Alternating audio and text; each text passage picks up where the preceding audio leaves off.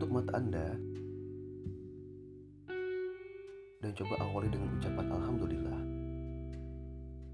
Syukuri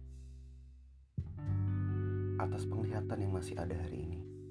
Syukuri atas pendengaran yang masih ada hari ini. Syukuri atas nafas yang masih ada hari ini.